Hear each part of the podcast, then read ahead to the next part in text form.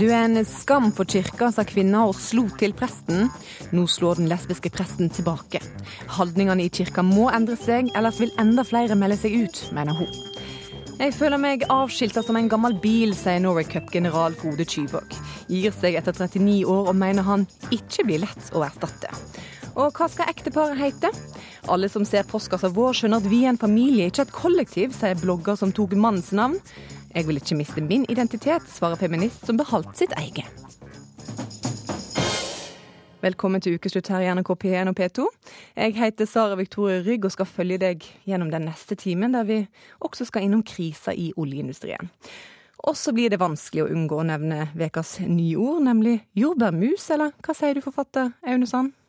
Legevitenskapen anbefaler minst én jordbærmus om dagen. Ja, mer om det litt senere i sendinga.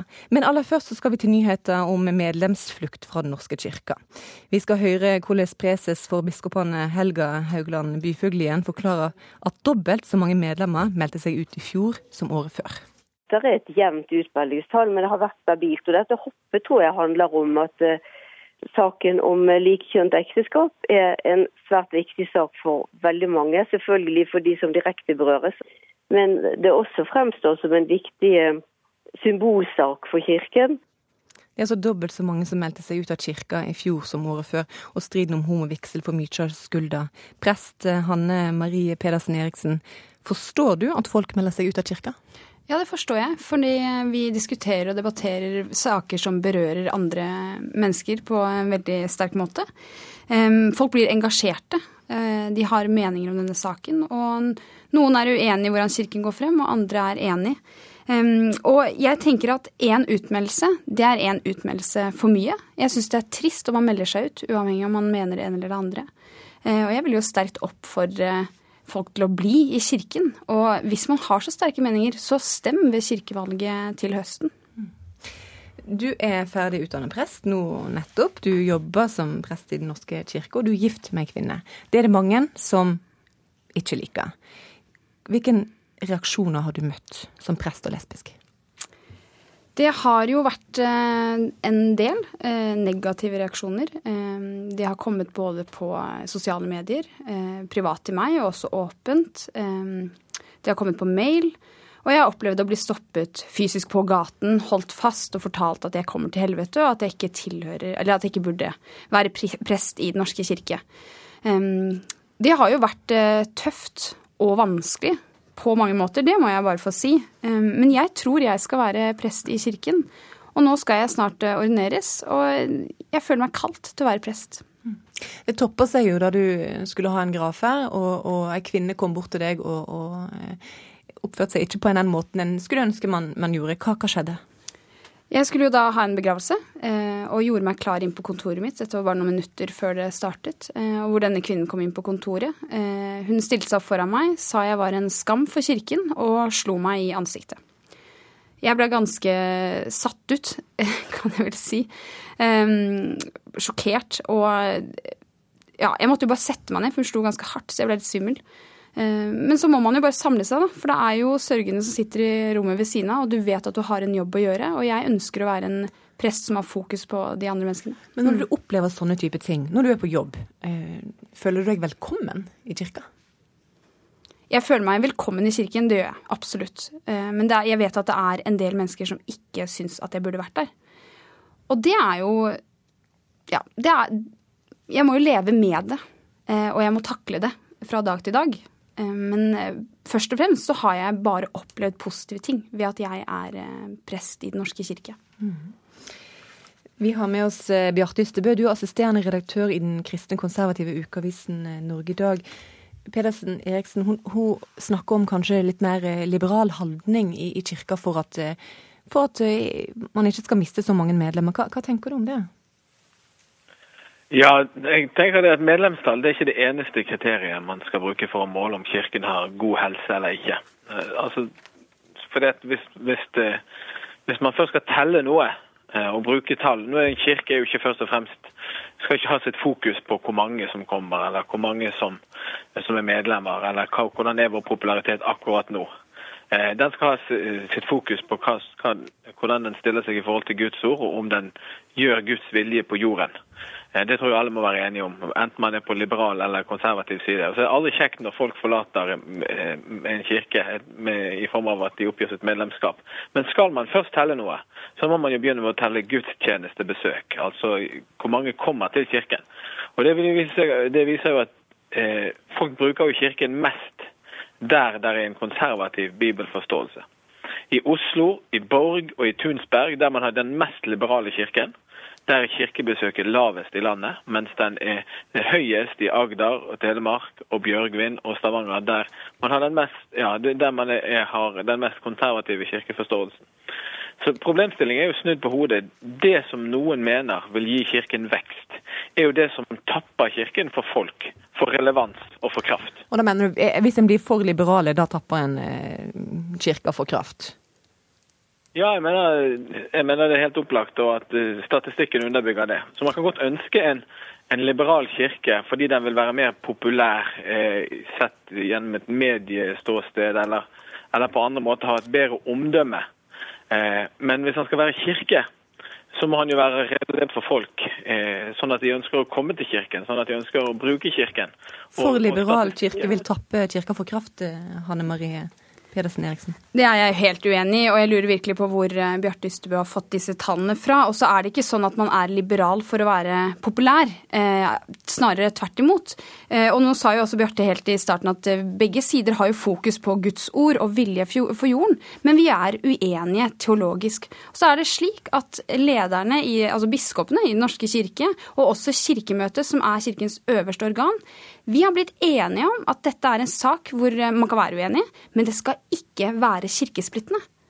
Så vi kan stå sammen ved nattverdsbordet, vi kan stå sammen når det er skal feire gudstjeneste. Um, og det, da tenker jeg at da er det viktig at vi andre også lytter til det, og at vi blir i kirken, og at vi har fokus på det som faktisk er uh, det viktige her. Og det er jo nestekjærlighet og medmenneske. Ystebø. Jeg protesterer ikke på det. Du spør hvor jeg har disse tallene fra. De kommer fra, fra Statistisk sentralbyrå og fra Kirkeforskning. Det kom en stor rapport i fjor som viste det at i disse mest liberale bispedømmene, der er altså deltakelsen lavest per kirkemedlem. Men, men Ystebø, eh, Pedersen Eriksen snakker om dette her med nestekjærlighet i kirka, at en, at en bør eh, vise bøttevis med nestekjærlighet eh, mot hverandre. Hva, hva, tenker du om den, eh, de opplevelsene hun har hatt? Eh, blitt slått i ansiktet, blitt fortalt at hun kommer til helvete, den type opplevelser? Ja, Det første som slår meg, er at den damen som, som slo eh, Hanne Eriksen Pedersen og sa at hun var en skam for kirken, eh, det er jo hun som er en skam for kirken. Eh, så, så, det er så opplagt at det har ingen Men, men forstår du at folk reagerer eh, når noen er konservative i kirka? Bare for å si Det at det kan jo også like gjerne skje at noen slår noen som er på den konservative siden. Så jeg tror ikke det skal tas som et altfor sterkt uttrykk for, for, eh, for stemningen i kirken. Eh, det er sterke fronter på begge sider. Eh, og, men, men, det er klart at eh, når man snakker om nestekjærlighet, eh, så, så, så, blir det ofte et ord som brukes, et kodeord for en liberal kirke. En kirke som går bort ifra, ifra Guds ord sett etter mitt ståsted. Eh, mens nestekjærlighet det handler jo om, om å forkynne evangeliet Eh, på en klar og tydelig måte, sånn at mennesker eh, forstår at de trenger å vende seg om fra et liv borte fra Gud til å følge Gud. Det er jo, det er jo nestekjærlighet. Det er jo du kan si Det bildet som man gjerne bruker i et sånn vekkelsessammenheng, det er at hvis noen er på vei bort mot et stup, og du ikke forteller dem at de må snu for de ikke skal gå utfor stupet, så, ikke, så, har du ikke nestekjærlighet. Nestekjærligheten er jo nettopp det, at man forkynner frelse, omvendelse og forkynner hele evangeliet. Ikke at man nødvendigvis sier det som folk vil høre, eller det som Bibelen sier, det som klør i øret. Eh, så, så det må ikke misforstås dette med nestekjærlighet. Det er nestekjærlighet, at man forkynner evangeliet til frelse og Bjarte Ystebø, det, det, er flere konservative krefter i kirka som kanskje mener at Hanne Marie Pedersen Eriksen burde slutte som, som, prest. Hva tenker du om det? Burde slutte? Ja, altså alle, alle som er prest må måle sitt liv opp mot Guds ord. Eh, og, og, jeg mener at det å, det å leve i et homofilt eh, ekteskap eller partnerskap eller samboerskap, det er i strid med Guds ord. Eh, så Sånn sett så mener jeg det, og det er mange andre kriterier. Og, og folk forlater prest- og pastorgjerninger ofte fordi at de kommer i konflikt med det. Så det mener jeg. Hanne Marie Eriksen Pedersen, kommer du til å slutte som prest? Det kommer jeg absolutt ikke til å gjøre. Jeg er utrolig glad i jobben min. Jeg møter veldig mange fine mennesker der ute, og jeg føler meg både ydmyk og takknemlig Eh, som får lov til å gå sammen med andre mennesker, som går gjennom både kriser og skal feire store happenings i livet sitt. Og det er noe jeg har lyst til å fortsette med og kommer til å gjøre. Og så vil jeg bare understreke det at vi, vi har blitt enige i Kirken i dag om at vi skal kunne leve med to syn. Men problemet er at det ene synet ikke får eh, spillerom, for det andre får overstyre. Bl.a. ved at vi ikke kan la homofile få lov til å gifte seg i kirken. Takk til deg, Hanne Marie Pedersen Eriksen, og takk til deg, Bjarte Øystebø. Medan en før eh, måtte komme seg ut på byen for å treffe folk, eh, og på den måten kanskje finne den store kjærligheten, så kan du nå bare finne fram telefonen din. Sjekkeappen Happen er det nyeste til eh, på sjekkefronten. Nå advarer flere psykologer mot denne nettdatetrenden. De mener at det kan føre til avhengighet istedenfor den store kjærligheten. Ukeslutt sin reporter Rune Rød har testa ut dateappen med kunstner Unni Askeland. Han ser veldig hyggelig ut vet, han ser jo Ja, han var kjekk. Han har jo litt skjegg og litt sånn Han er sikkert ganske lang. Ja, lang og tynn. Det er fint, vet du. En sommerkveld på en fortauskafé i Oslo sentrum sitter vi sammen med kunstner Unni Askeland og hennes kunstnervenn Morten Viskum. Platinablonde Unni er på sjekkeren på mobilen.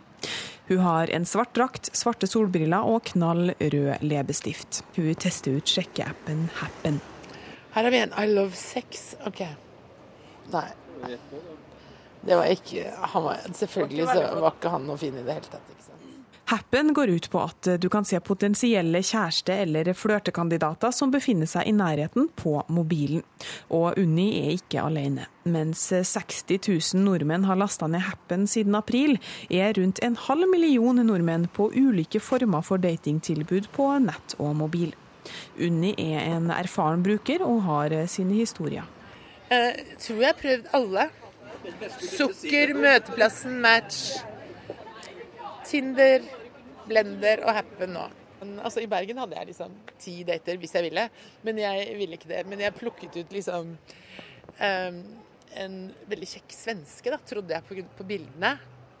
Og så når eh, jeg da setter meg inn på en restaurant, og så har vi et møtested, setter jeg meg inn på en restaurant sånn i hemmelighet, så ikke han kan se meg. ikke sant? Så sitter jeg der ved siden av, så ser jeg ut, så sier han jeg står her nå med en rød paraply, liksom. Så ser jeg, så ser jeg på bildet, og så ser jeg på han, og så er det ikke samme bilde. Det var en helt annen fyr. Det var totalt fake alt sammen. Men Unni lar ikke de noe merkelige opplevelsene sette en stopper for videre flørting. Altså, det er jo han lange, litt sånn Å ja, det var han, ja. Det var han med masse interesser, da. Shit.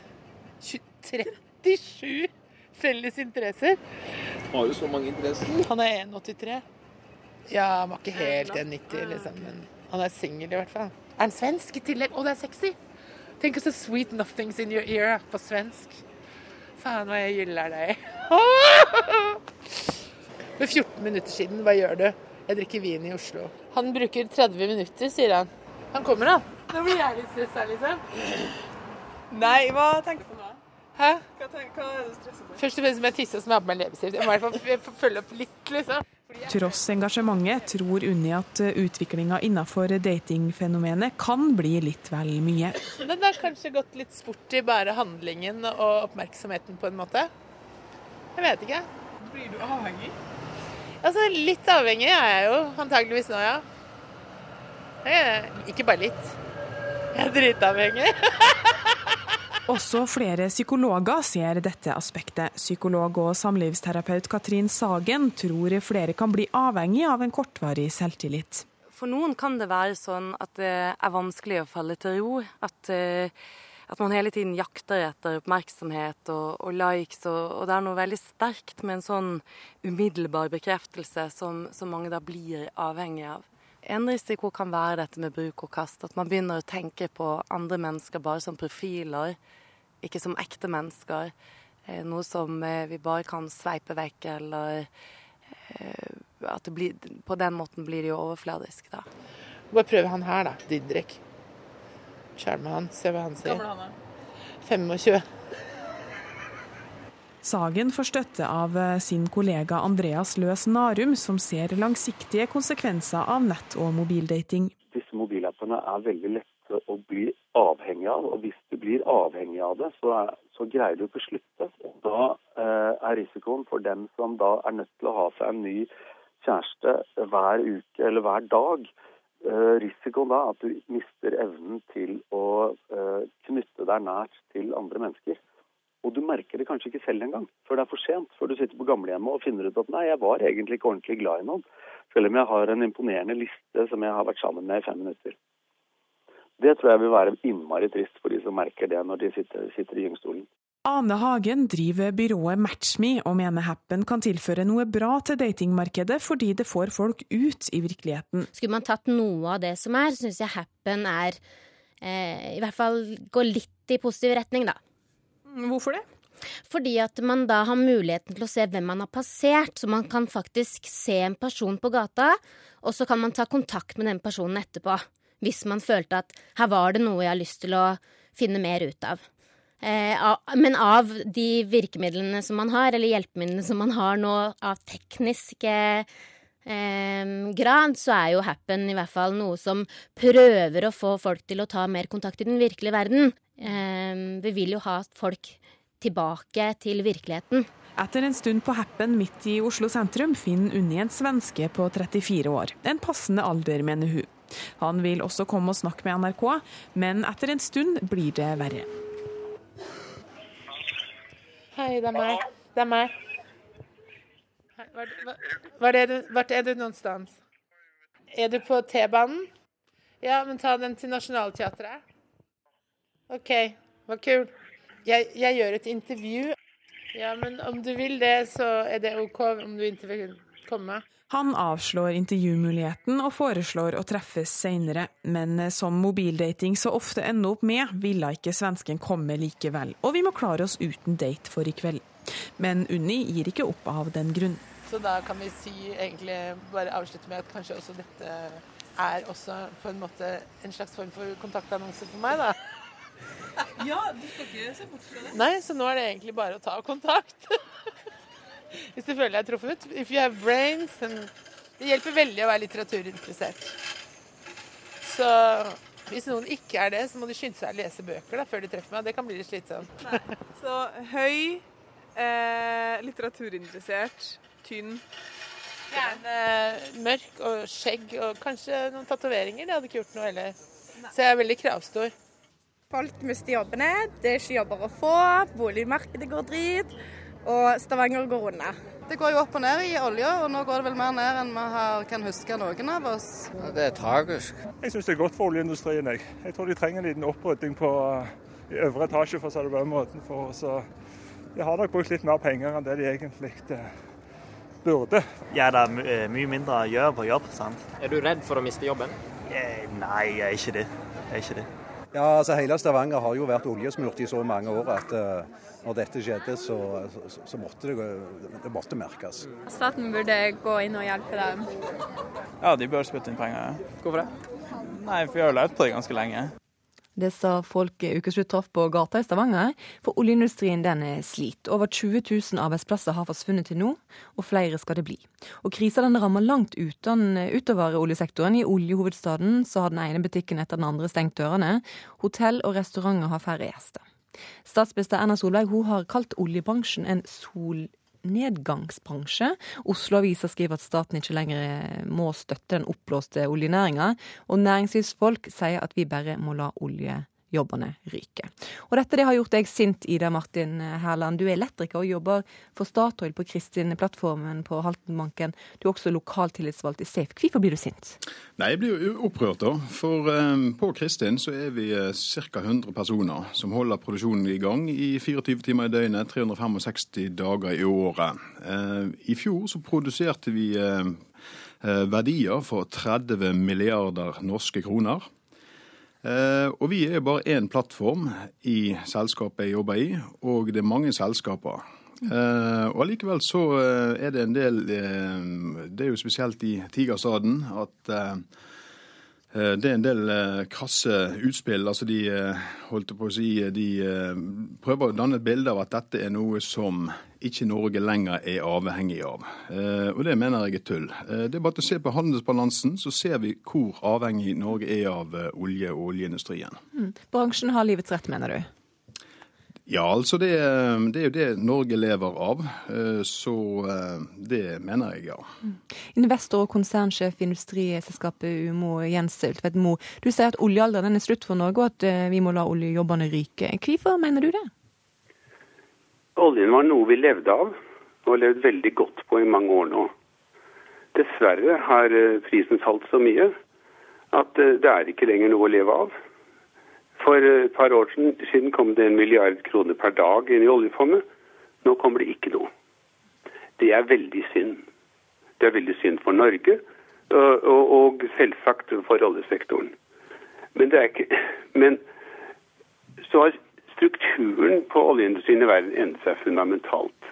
Det har kommet masse nye, eh, nye tilbud fra USA, skiferolje. Saudi-Arabia øker produksjonen. Nå siste uke er den kalde krigen mellom USA og Iran slutt. Det betyr at uh, produksjonen øker, samtidig som etterspørselen har stoppet å vokse. Så du mener man må tenke nytt i denne her bransjen for at uh, vi skal tjene ja, penger fremover? Det er veldig trist, men bransjen tjener ikke penger på, i Norge lenger. Eh, det er mange felter som har høyere kostnader enn dagens 56 dollar No, et nytt er kommet, uansett Sverdrup, 40-50 dollar. Resten er for dyrt. Herland, ja, altså, Herland blir for dyr? Eh, snittprisen i 2013 eh, den var vel eh, rundt 60 norske kroner. Det, da snakker jeg gjennomsnitt på norsk sokkel. Jeg vil, vil jo tro, mener du? Eh, nei, 63 eh, norske kroner eh, kostet å produsere et oljefat på norsk sokkel. Ja, sånn, ja, ja, som man nå kan selge for la oss si 65, nei, 55 dollar. Det vi òg må tenke på, er det at dollaren er jo egentlig, eller det er jo egentlig den norske kronen som har svekket seg i forhold til dollaren. Eh, sånn at eh, det, jeg tenker det er ganske god butikk å lage noe for 63 eh, kroner og selge det for 55 dollar. Det høres ikke så ille ut da, Ulltveit Det, det som skjer med det, er jo at de nåværende feltene vil produsere inntil halve produksjonen blir for dyr. Men det kommer ikke nye felt. Nye felt blir for dyre, med unntak av gigantfunn som Johan Sverdrup. Og Det betyr at næringen gradvis eh, nokså raskt, vil bygges ned. Det betyr at sysselsettingen der blir redusert.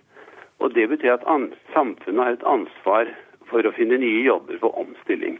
Så jeg må, jeg må tenke nytt, men hva, hva, i hvilken retning eh, bør en tenke, mener du?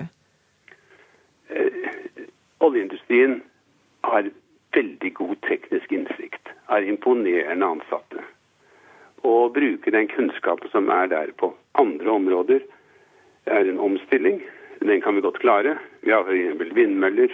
Vindmøller på land, vindmøller til havs, vannkraftutbygging, fornybar energi andre måter. Og dessuten så er jo eh, med fallet i kronekursen fastlandsindustrien Norge mye nærmere å bli eh, konkurransedyktig. Men dette kan ikke skje med det lønnsnivået som i dag er i oljeindustrien. Vi ser eh, Norske Skog, som er konkurranseutsatt i en døende industri, eh, nemlig papir, avispapir. De har en gjennomsnittslønn på 500 000. Statoil godt over millionen. Det er jo, det er jo, det er jo bare, det er bare pølsevev. Eh, da regner du altså En Statoil-ansatt må jobbe ca. 500, eller tilbringe ca. 500 timer ekstra på jobben for å komme opp i en million. Og Da vil nok antageligvis norske skogansatte òg eh, forlange litt mer penger. Men en annen ting du glemmer å nevne, er det at eh, operatøransatte på sokkelen er faktisk i stort eh, mindretall. Flertallet i, på sokkelen er faktisk ansatte hos underentreprenører. Og de har faktisk sakket akterut i forhold til Fastlands-Norge. Og så Den tredje ting som jeg har lyst til å nevne, som veldig ofte det blir glemt, det er det at på engelsk sektor der er det faktisk dyrere å produsere et oljefat enn på norsk sektor. Eh, det er sterke krefter i samfunnet som prøver å få det til å fremstå som at kostnadsnivået i Norge er høyere enn på engelsk sektor, men det er faktisk omvendt. Det koster mer å produsere et fat på engelsk sokkel, men de ansatte har lavere timelønn. Eh, nå har vi jo sett i media de siste dagene at du er glad i at ansatte har lav timelønn. Men hvis du skal uh, ha en, en, jobb gjort, så hjelper ikke det uh, du, uh, Hvis du velger den håndverkeren som bare har halv timelønn, så hjelper ikke det hvis han bruker tre ganger så lang tid på jobben. Ultvedt Mo, du kan få svare veldig kort på det. Ja, det som er i England viser jo problemene. Det er det små, gamle oljefelt. Der blir kostnadene for høye. Vi er på vei rett inn i det i Norge også med små, gamle felt, og da får vi problemene. En utfordring er, Hovedutfordringen er jo den lave oljeprisen i verden. Så er det norsk geologi som gir høye kostnader, og så er det også høye driftskostnader. Reiten-utvalget sammenlignet riggene på engelsk og norsk sektor og kom til at det var betydelig dyre på norsk sektor pga. spesielle norske forhold. Mm. Det er, det, er, det er, ikke hovedårsaken. Hovedårsaken er at oljeprisen har falt fra over 100 dollar til omkring litt over 50, og kommer ikke til å gå over 70 dollar igjen. Og det betyr at det vil være nesten få nye felt som bygges ut.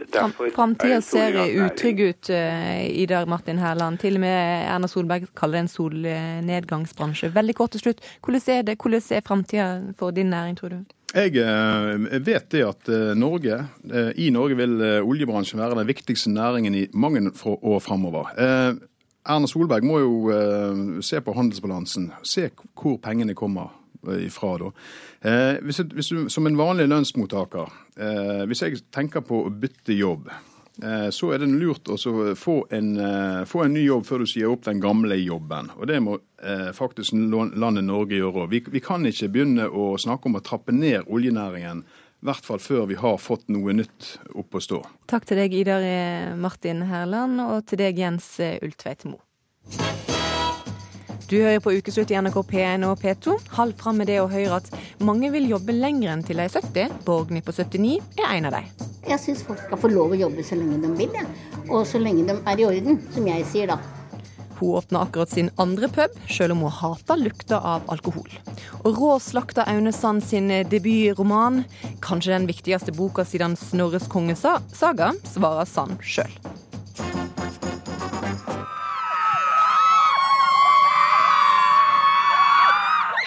Ja, dette er vel en uh, lyd du er vant med å høre, Frode Tyvåg. Her hører vi lykkelig glade barn som gleder seg til Norway Cup starter i morgen.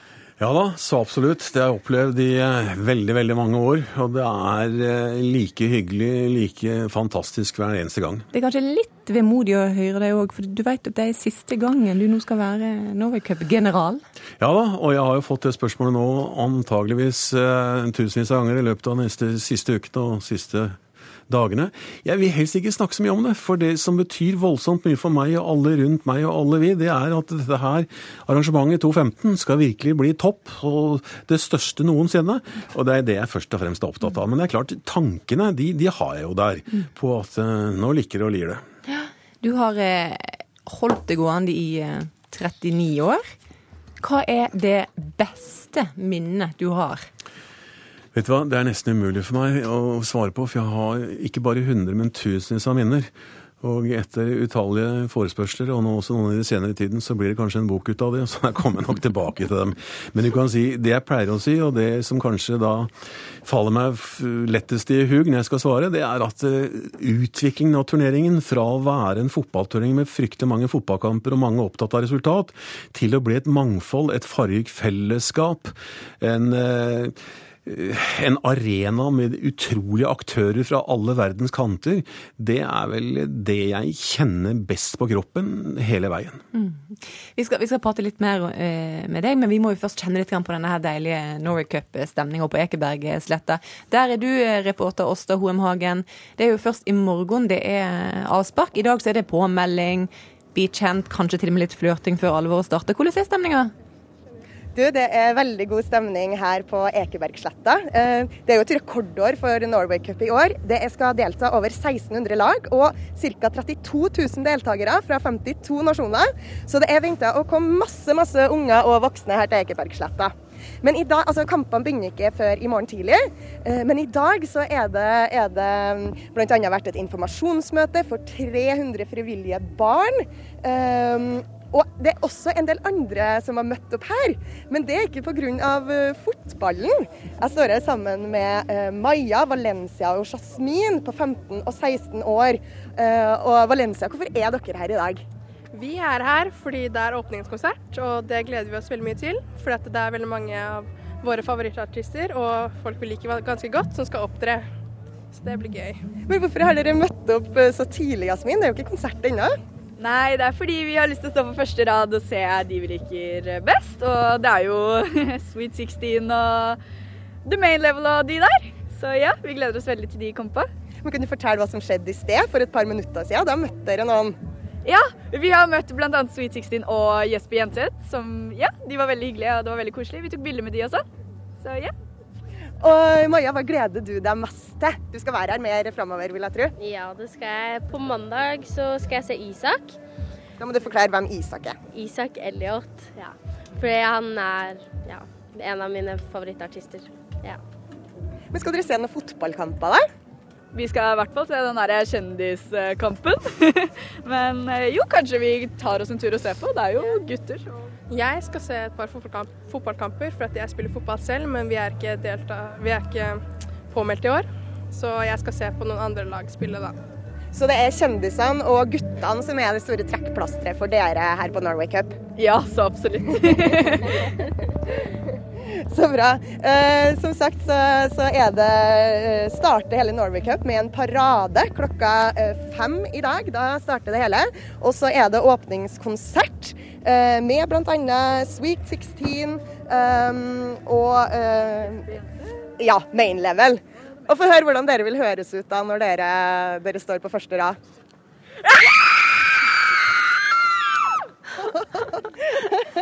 Takk til deg, Åsta Homhagen. Frode Tyvåg, hva gleder du deg mest til, fotballen eller Sweet 16?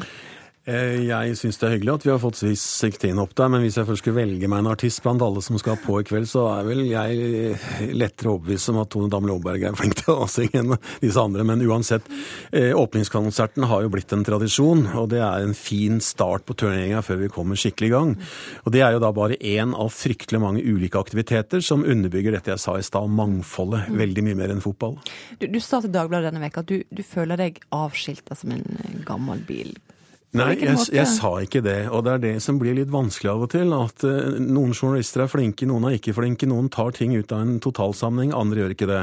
Og for å si det sånn, jeg ga omtrent det samme intervjuet, samme, fikk samme spørsmålene, ga samme svaren til Aftenposten Dagbladet. Og når du ser artikkelen etterpå, så ser det ut som jeg er på to forskjellige planeter.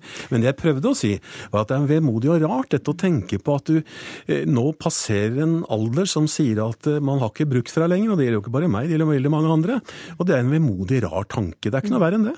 Hvor rart var det å rydde ut eh, av kontoret? Veldig rart, for jeg har jo sittet der i hele mitt liv. Og jeg har jo jeg håper på å si, jeg har hatt det som en livsstil, jeg har hatt det som en utfordring år etter år etter år. Så sammen med kona og barna mine så er dette verdt og er livet mitt hele veien. Og da skjønne at det er slutt, at det er siste turnering, at du skal rydde etter deg. Det er rart. Mm. Men jeg kan jo ikke la det verken overskygge den eh, kjempeutfordringen jeg nå har foran meg for å gjøre dette arrangementet skikkelig, mm. og la det påvirke det øvrige. For dette handler jo ikke om Frode, det handler om Norway Cup, det handler om Norway Cup 2.15. Men vedmodigheten kan man jo ikke snakke seg bort fra. Mm. Hvordan tror du Norway Cup klarer seg framover uten, uten, deg? Utmerket. Og vi har en ambisjon og vi har noen visjoner nedfelt i et strategidokument hvor bl.a. det sier i forhold til visjonen at Norway Cup skal vare evig. Og det har jeg fortsatt eh, ståltru på at så skal skje. I hvilken form, det får jo bare tiden vise. Men at Norway Cup skal altså, For å si det sånn, kirkegården er full av uerstattelige personer. Jeg, jeg, kjenner jo til den, så jeg tror ikke noe annet enn at dette skal gå bra, det. Men det blir sikkert ikke bare enkelt uh, å arrangere Norway Cup uten deg? Nei, og jeg har jo sagt, eh, også tatt ut av sammenheng, men allikevel mener at det er ikke så lett å erstatte meg. Og det er ikke for at jeg er født flink, men jeg sitter med det i 39 år. Hadde jeg sittet med det i tre år, så hadde det vært forholdsvis enkelt, men å erstatte et menneske som har sittet i én stilling i 39 år, det er ikke lett, det. Jeg skjønner jo det. Øystein Sundelin, du er leder for Bekkelaget sportsklubb. Hvordan i allsen dag skal dere klare dere uten eh, Norway Cup-generalen? Nei, Jeg håper, som eh, Frode kanskje også signaliserer, at han kommer til å være en eh, positiv bidragsyter til Norway Cup i fremtiden også. Kanskje ikke på sentral midtbane, men eh, litt mer som heiagjeng på siden. Og det er jo tiden og tidspunktet på vegne av hele Bekkelaget sportsklubb og Norway Cup å uttrykke den takknemligheten for all den jobben og innsatsen Frode har lagt ned for dette i over 39 år. Mm. Hvordan kan dere bruke hans kunnskap framover uten at han blir en sånn eh, sjuende far i huset, tenker du? Frode Kuvåg er Norway Cups eh, beste og viktigste ambassadør, og det er ingen som eh, snakker om Norway Cup med et sånt engasjement og en så stor tro på det som det Frode gjør. Og det, er, eh, det vekker begeistring og engasjement, ikke bare blant de frivillige og de tusenvis av spillerne og laglederne og klubbene eh, som er her, men for et helt eh, helt land. Og eh, det å ha den type ambassadører som snakker varmt om eh, denne flotte, fantastiske turneringen, eh, det trenger vi både på sentral midtbane og ute på sidelinjen. Frode Kyvåg, nå skal du konsentrere deg 100% om Norway Cup 2015 og putte all engasjementet ditt inn i det. Mm. Men hva skjer 2.9.? Da er du pensjonist? Nei, jeg er ikke pensjonist, og jeg har sagt mange ganger Da går du Ja, men jeg, jeg, skal ikke slutte å jobbe. Eh, jeg skal gjøre andre ting. og Jeg holdt på å si ikke røyke, ikke drikke, jeg lever fornuftig og sunt, jeg er småbarnspappa, så jeg skal selvfølgelig videre. Men jeg vet ikke riktig i forhold til hva. Men jeg skal ikke bli den som sitter om morgenen når klokka har blitt kvart på ti, ferdig med tur med bikkja, ferdig med gressklippinga, ferdig med støvsinga, lurer på hva jeg skal gjøre resten av dagen. Jeg er ikke moden for å gå på noe bingo, jeg da. Så andre ting blir det. Men det blir rart. Det blir jo det. Lykke til med, med den nye tilværelsen, og lykke til med Norway Cup 2015. Jo, tusen takk for det. Og du er ikke alene om å ikke ønske å slutte å jobbe når, når en eh, kommer litt opp i åra. Vi skal snakke med ei som, som, eh, mener at folk må jobbe mye lengre, eller så lenge de faktisk vil. Eh, uke, reporter Tanita Vassås Kveine hun har møtt 79 år gamle Borgne Solheim, som i disse dager åpner sin andre pub. Du hekler ikke, da? Nei. Nei. Jeg kan ikke hekle. Jeg syns folk skal få lov å jobbe så lenge de vil, ja. og så lenge de er i orden, som jeg sier da. Jeg syns det er fælt ja, når jeg hører noen som må slutte fordi de har runda 70 da, eller sånn. Jeg syns det er fælt. Jeg syns ikke det er riktig. Men ingen kan nekte meg at jeg er selvstendig. 79 år gamle Borgny Solheim har ikke tenkt å slutte å jobbe med det første. Tvert imot, hun har nettopp bundet seg til en kontrakt på over to nye år, når hun nå åpna sin andre pub på Framnes i Sandefjord. Uansett hvor svære de er, så hiver jeg dem ut. Hei, kom igjen, nå har dere fått nok, nå går vi ut. Alle blir med, ingen problem. Dama ruver bare 1,5 meter over bakken, men hun har respekt blant sine mange faste kunder på Haukerødpuben.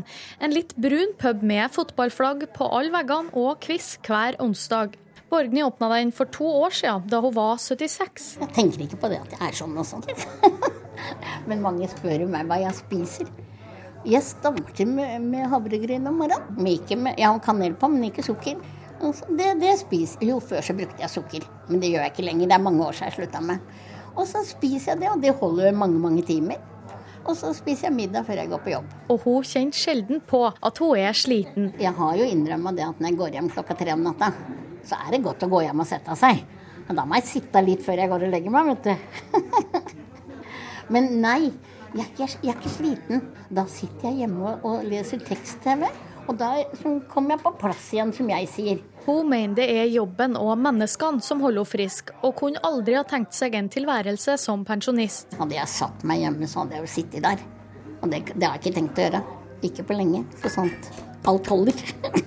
Norges eldste statssekretær, 79 år gamle Astrid Nøkleby Heiberg, holdt på å gå på veggen fra hun ble pensjonist som 70-åring til hun som 77-åring ble utnevnt til statssekretær for Høyres helse- og omsorgsminister i 2013. På en dårlig dag så var jeg først og fremst sur og misunnelig på mannen min, som var i jobb, som hadde en arbeidsplass. Jeg var ikke grei å være i hus med, egentlig. Så han er minst like glad som meg over at jeg er i jobb nå. Heiberg mener man må se på eldre som en ressurs. Så lenge vi kjenner hva mennesker har vært opptatt av og tenkt på, så har man alltid ønsket seg et lengre liv. Helst et evig liv. Evig liv ønsker de færreste seg i virkeligheten når de vet hva det måtte inneholde. Men et lengre liv er noe vi alltid har ønsket. Nå har vi fått det. De siste 30 årene så har gjennomsnittslevealderen økt nesten med ti år. Det er jo en fantastisk gave som vi har fått.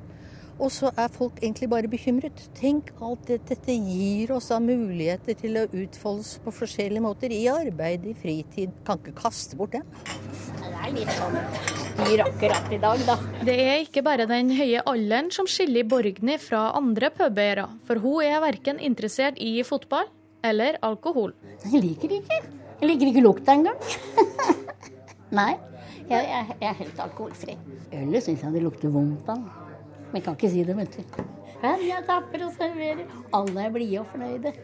Ja. Og det bekrefta stamgjestene Nils Roar og Irene. Ifølge dem er i hvert fall Borgny alltid i godt humør, og litt streng. Streng, men fair. Hvis det kommer noen uh, som kan gå litt over streken, så setter du klare grenser. Og da sier hun nei. Da bærer hun de ut. Hun bærer dem ut, Ja, hun drar de ut i armene. Jeg kan ikke se noen grunn til at vi egentlig skal dele inn folk i grupper etter alder. Astrid Nøkleby Heiberg mener det blir feil å ha en øvre aldersgrense for hvor lenge man kan jobbe. Vi er jo så forskjellige alle sammen fra før vi er født, faktisk. Men uh, blir mer og mer forskjellige i løpet av livet også, så det å dele oss inn i en aldersgruppe avhengig av uh, ja, hvilket fødselsår vi har, det er tull. Det er latskap. Men det er mye mer strevsomt, da. Og krever større innsats av uh, arbeidsgivere, men det er den veien vi må gå. En eneste gang har pubeier Borgny fått negative kommentarer på alderen sin. En gang det kom inn ei dame her, hun, men hun var ikke edru, vet du. Det var det som var. Og da sier hun til meg det. Jøss, er det gamle kjerringer her òg, i den tonen der, vet du. Ja, så sa jeg ikke, så gikk jeg bak disken. Og så, nå, nå snakker jeg stygt. Jeg skal faen ikke servere seg, gammel kjerring, sa hun som jobber for meg nå. Hun satt her. Og så sier jeg at uh, det er greit. Så jeg gikk ut fra disken igjen. Så sa jeg det. jeg er innehaver, jeg, sa. Døra er der. Ut. Og kom aldri tilbake. Du har ikke gjort det heller.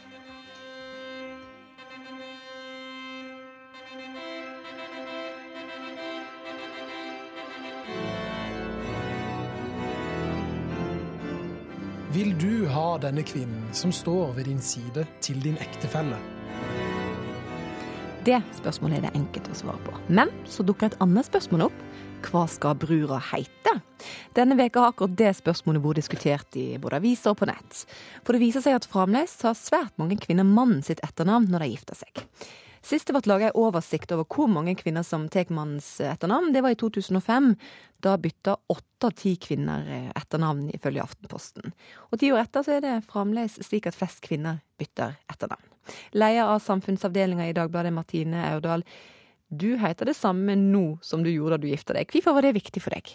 Ja, for meg var det helt uaktuelt å bli fru Erling Fossen. Jeg har en sterk identitet knytta til mitt eget navn. Jeg er journalist og sånn sett et skrivende menneske som har en byline som jeg brukte mange år på å jobbe fram.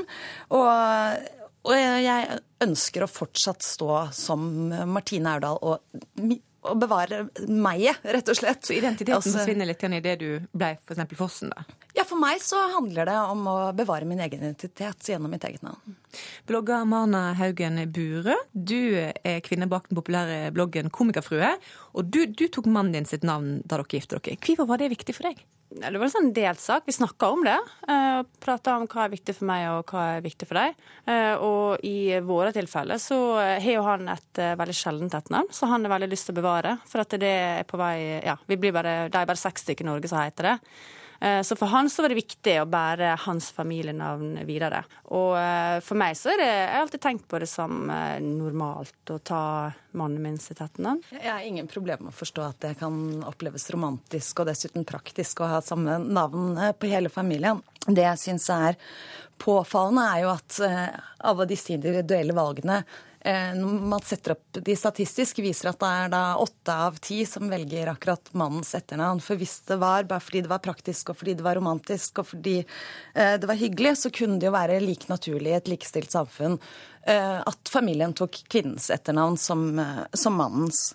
Og da mener jeg jo at det er en struktur her, og at det er naivt å tro at disse valgene er tatt helt selvstendig i en boble uten at de er tatt nettopp som en konsekvens av den tradisjonen der navnene symboliserer at kvinner er underordna mannen.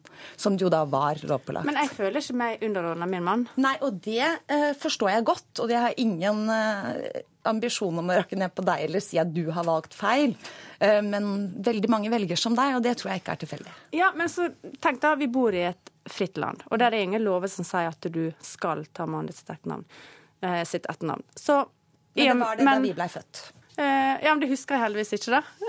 At, eh, men når det var tid for meg å gifte meg, så hadde jeg ingen eh, tanker om at Jeg følte ikke noe negativt med å ta det etternavnet. Og da tenker jeg at da har verden kommet så langt, da.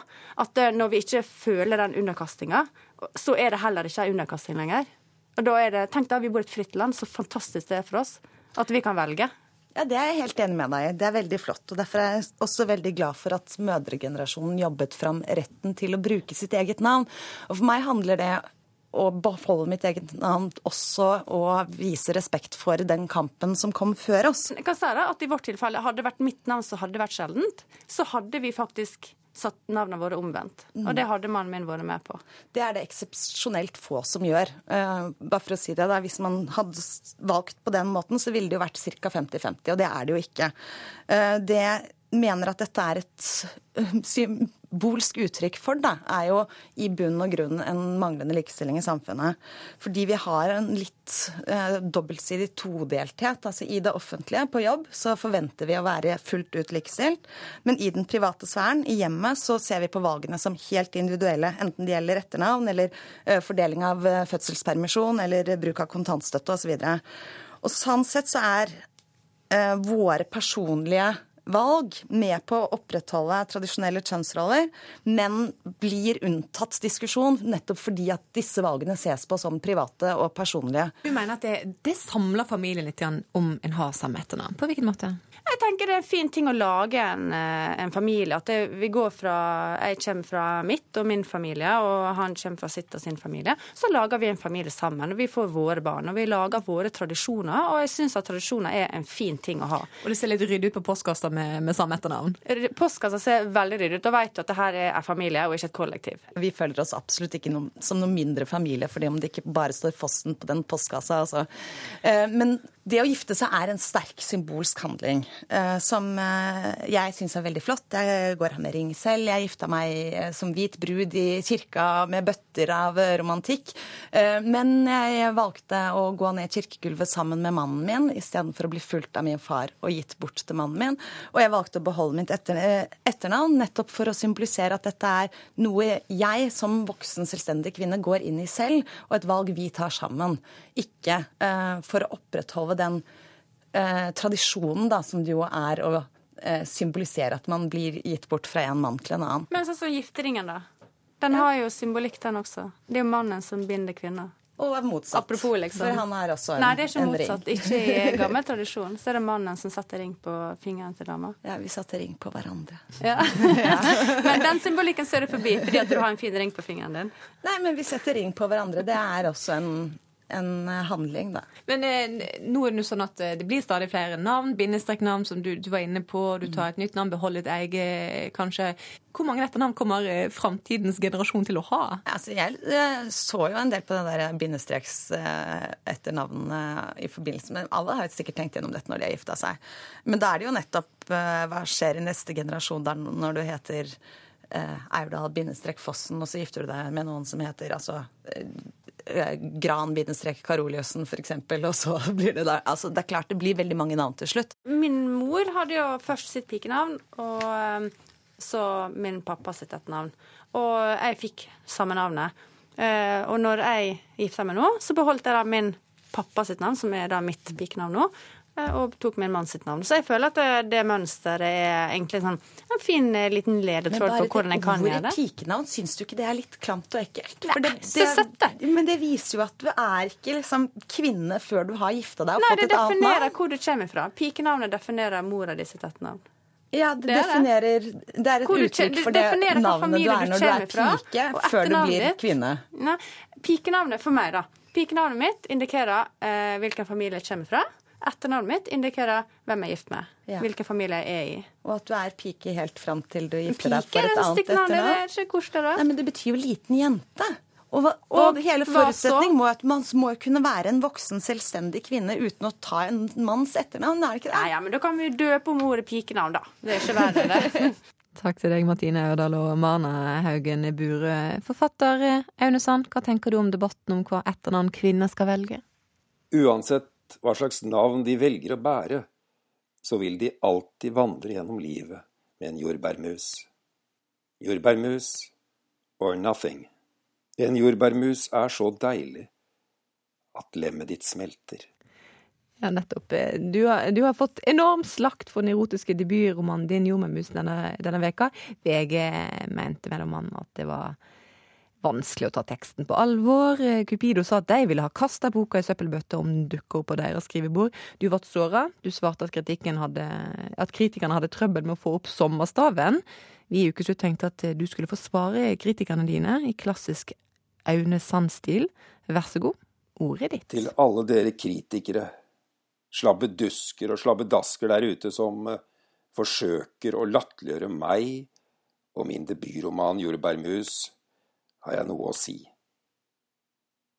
Jeg har reist over fjell og inn i de dypeste fjorder, gått på gjengrodde stier under fjerne himmelstrøk for å finne jordbærmusens hemmeligheter. Minnene fra alle de vidunderlige jordbærmussaftene har blitt skrevet ned i kanskje den viktigste norske romanen siden Snorres saga. Til dere kritikere sier jeg, bruk heller tungen deres til å kile og leke med konvallen på en jordbærmus, for jordbærmusa gir næring og en usigelig glede. Ja, jeg vil kanskje si det så sterkt at dere må dusje i saftene fra jordbærmusen for å på nytt se lyset, optimismen og livet med vennlige og gode øyne. Kjære kritikere, jeg ble såret og skuffet over at deres manglende evne og vilje til å se og elske en jordbærmus. Men jeg har tilgivelse i mine tanker.